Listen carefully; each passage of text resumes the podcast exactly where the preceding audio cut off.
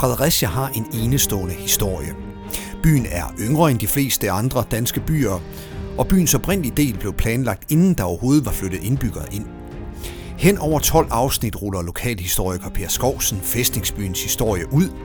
Det gør han via 12 nedslag i byens både dramatiske og unikke historie. Mit navn er Massimo Grillo. Velkommen til Fredericia By og Fæstning. Dette afsnit om slaget ved Fredericia 6. juli 1849, minderne om krigen og eftertiden. Per, vi står ved uh, landsoldaten. I hvert fald i daglig tale, men hvad, hvad hedder den egentlig helt præcist? Den hedder faktisk Den Danske Landsoldat efter sejren. Det er jo et mindesmærke, der er rejst for at hædre den menige soldat efter slaget ved 6. juli 1849. Men nogle steder kan man også se, at der står den tabre landsoldat. Hvad, hvad er det for et navn så? Det er nok øh, den, den, der bliver brugt i daglig tale, men alle frederiциanere øh, ved, hvad landsoldaten er. Udfaldet havde kostet dyrt. 512 danske soldater var faldet, 1344 var blevet såret, og 35 var blevet taget til fange.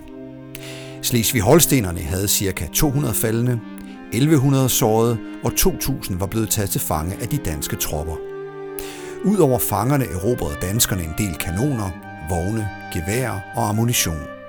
Det blev betragtet som krigsbytte og blev efterfølgende vurderet af en byttekommission, og alle danske deltagere i slaget, lige fra øverste general til laveste menig, fik udbetalt en kontant belønning, der var baseret på værdien af det erobrede. Per, når man står her og kigger på ja, landsoldaten øh, i daglig tale, hvad symboliserer den så helt øh, præcist? Jamen, den symboliserer som sagt øh, sejren den 6. juli 1849. Det er den men- et billede på den menige soldat. Det er ikke en bestemt soldat, den skal udtrykke, og det er faktisk det første mindesmærke i hele verden over en, øh, en menig soldat. Indtil da havde alle mindesmærker fra krige været øh, vist øh, øh generaler eller, øh, eller ledende herrefører, øh, herfører, øh, men her er det den danske landsoldat, altså den menige soldat. I højre hånd har han en bøgegren, som han vinker med, og i venstre hånd har han sit våben. Det er den samme symbolik, som er i øh, det, i det fredericianske byvåben, som viser en løve med en palmegren i det ene hånd og sværet i, det anden, i den anden hånd, øh, eller pote, når det nu er en løve. Øh, og det fredericianske motto er også pro pace armateus, som betyder væbnet for freden. Det er altså nødvendigt, for at bevare freden, at man har sine våben. Løven har sin sabel, og landsoldaten har sit gevær. Allerede den 12. juli 1849, altså kun seks dage efter udfaldet, tog en række fremtrædende danske mænd initiativ til en landsomfattende indsamling. Formålet var at rejse et mindesmærke for slaget. Den anerkendte kunstner H.V. Bissen vandt konkurrencen om opgaven, og på 9-årsdagen for slaget, altså 6. juli 1858, blev statuen af den danske landsoldat efter sejren indvide.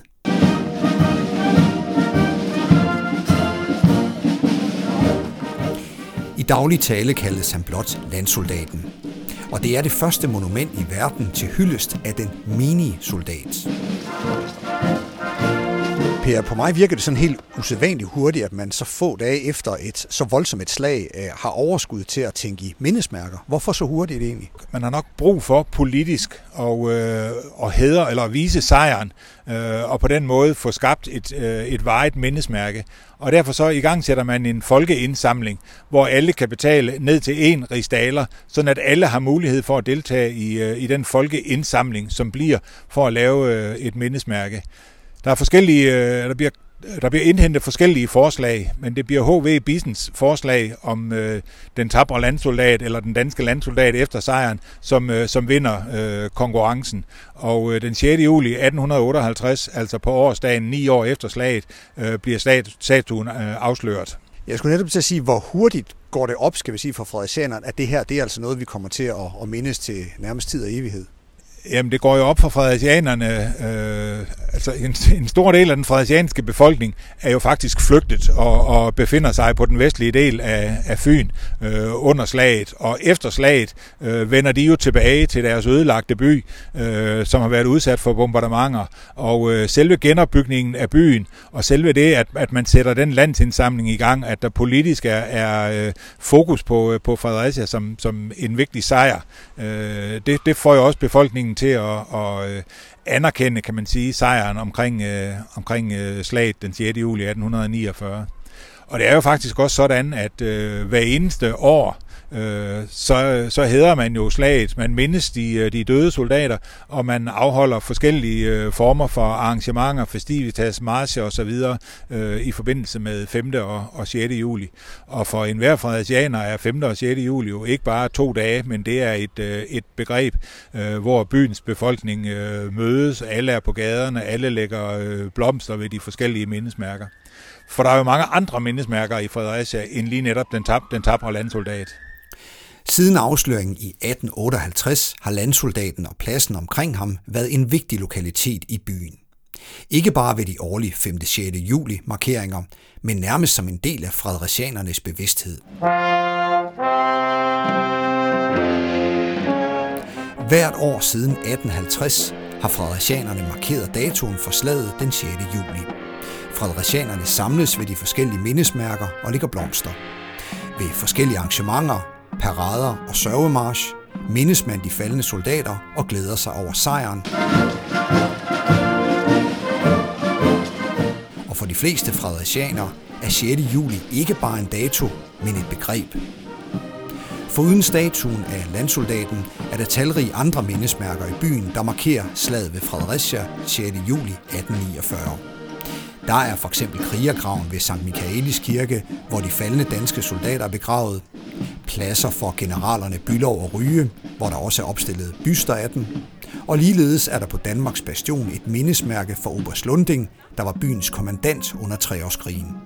Mange andre steder i byen og omegnen er der talrige vidnesbyrd om slaget, eksempelvis mindesten, enkelgrave, indmurede granatstykker og markeringer af fjendens skanser og blokhuse. Per, hvorfor er det, at det er så stort, at man betegner det som et begreb 6. juli, og ikke bare en historisk dato?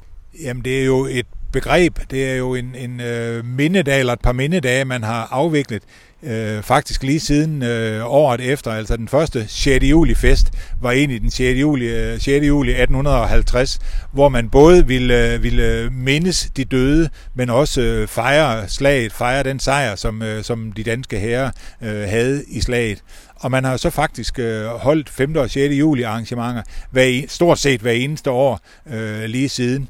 Øh, I 1899, som var 50 år, øh, slaget, 50 år for slaget ved, ved øh, 6. juli, var alle veteranerne inviteret gratis med til en kæmpe, en kæmpe spisning, som blev afholdt nede i kastellet, og der skulle efter sine have været over 4.000 soldater, veteraner, som, øh, som deltog i festen. Men stadigvæk, selvom der jo ikke er veteraner tilbage, stadigvæk er 5. og 6. juli øh, en markering af, af det slag, som, øh, som fandt sted i 1849. Og enhver frederiциaner ved, hvad det, øh, hvad det drejer sig om.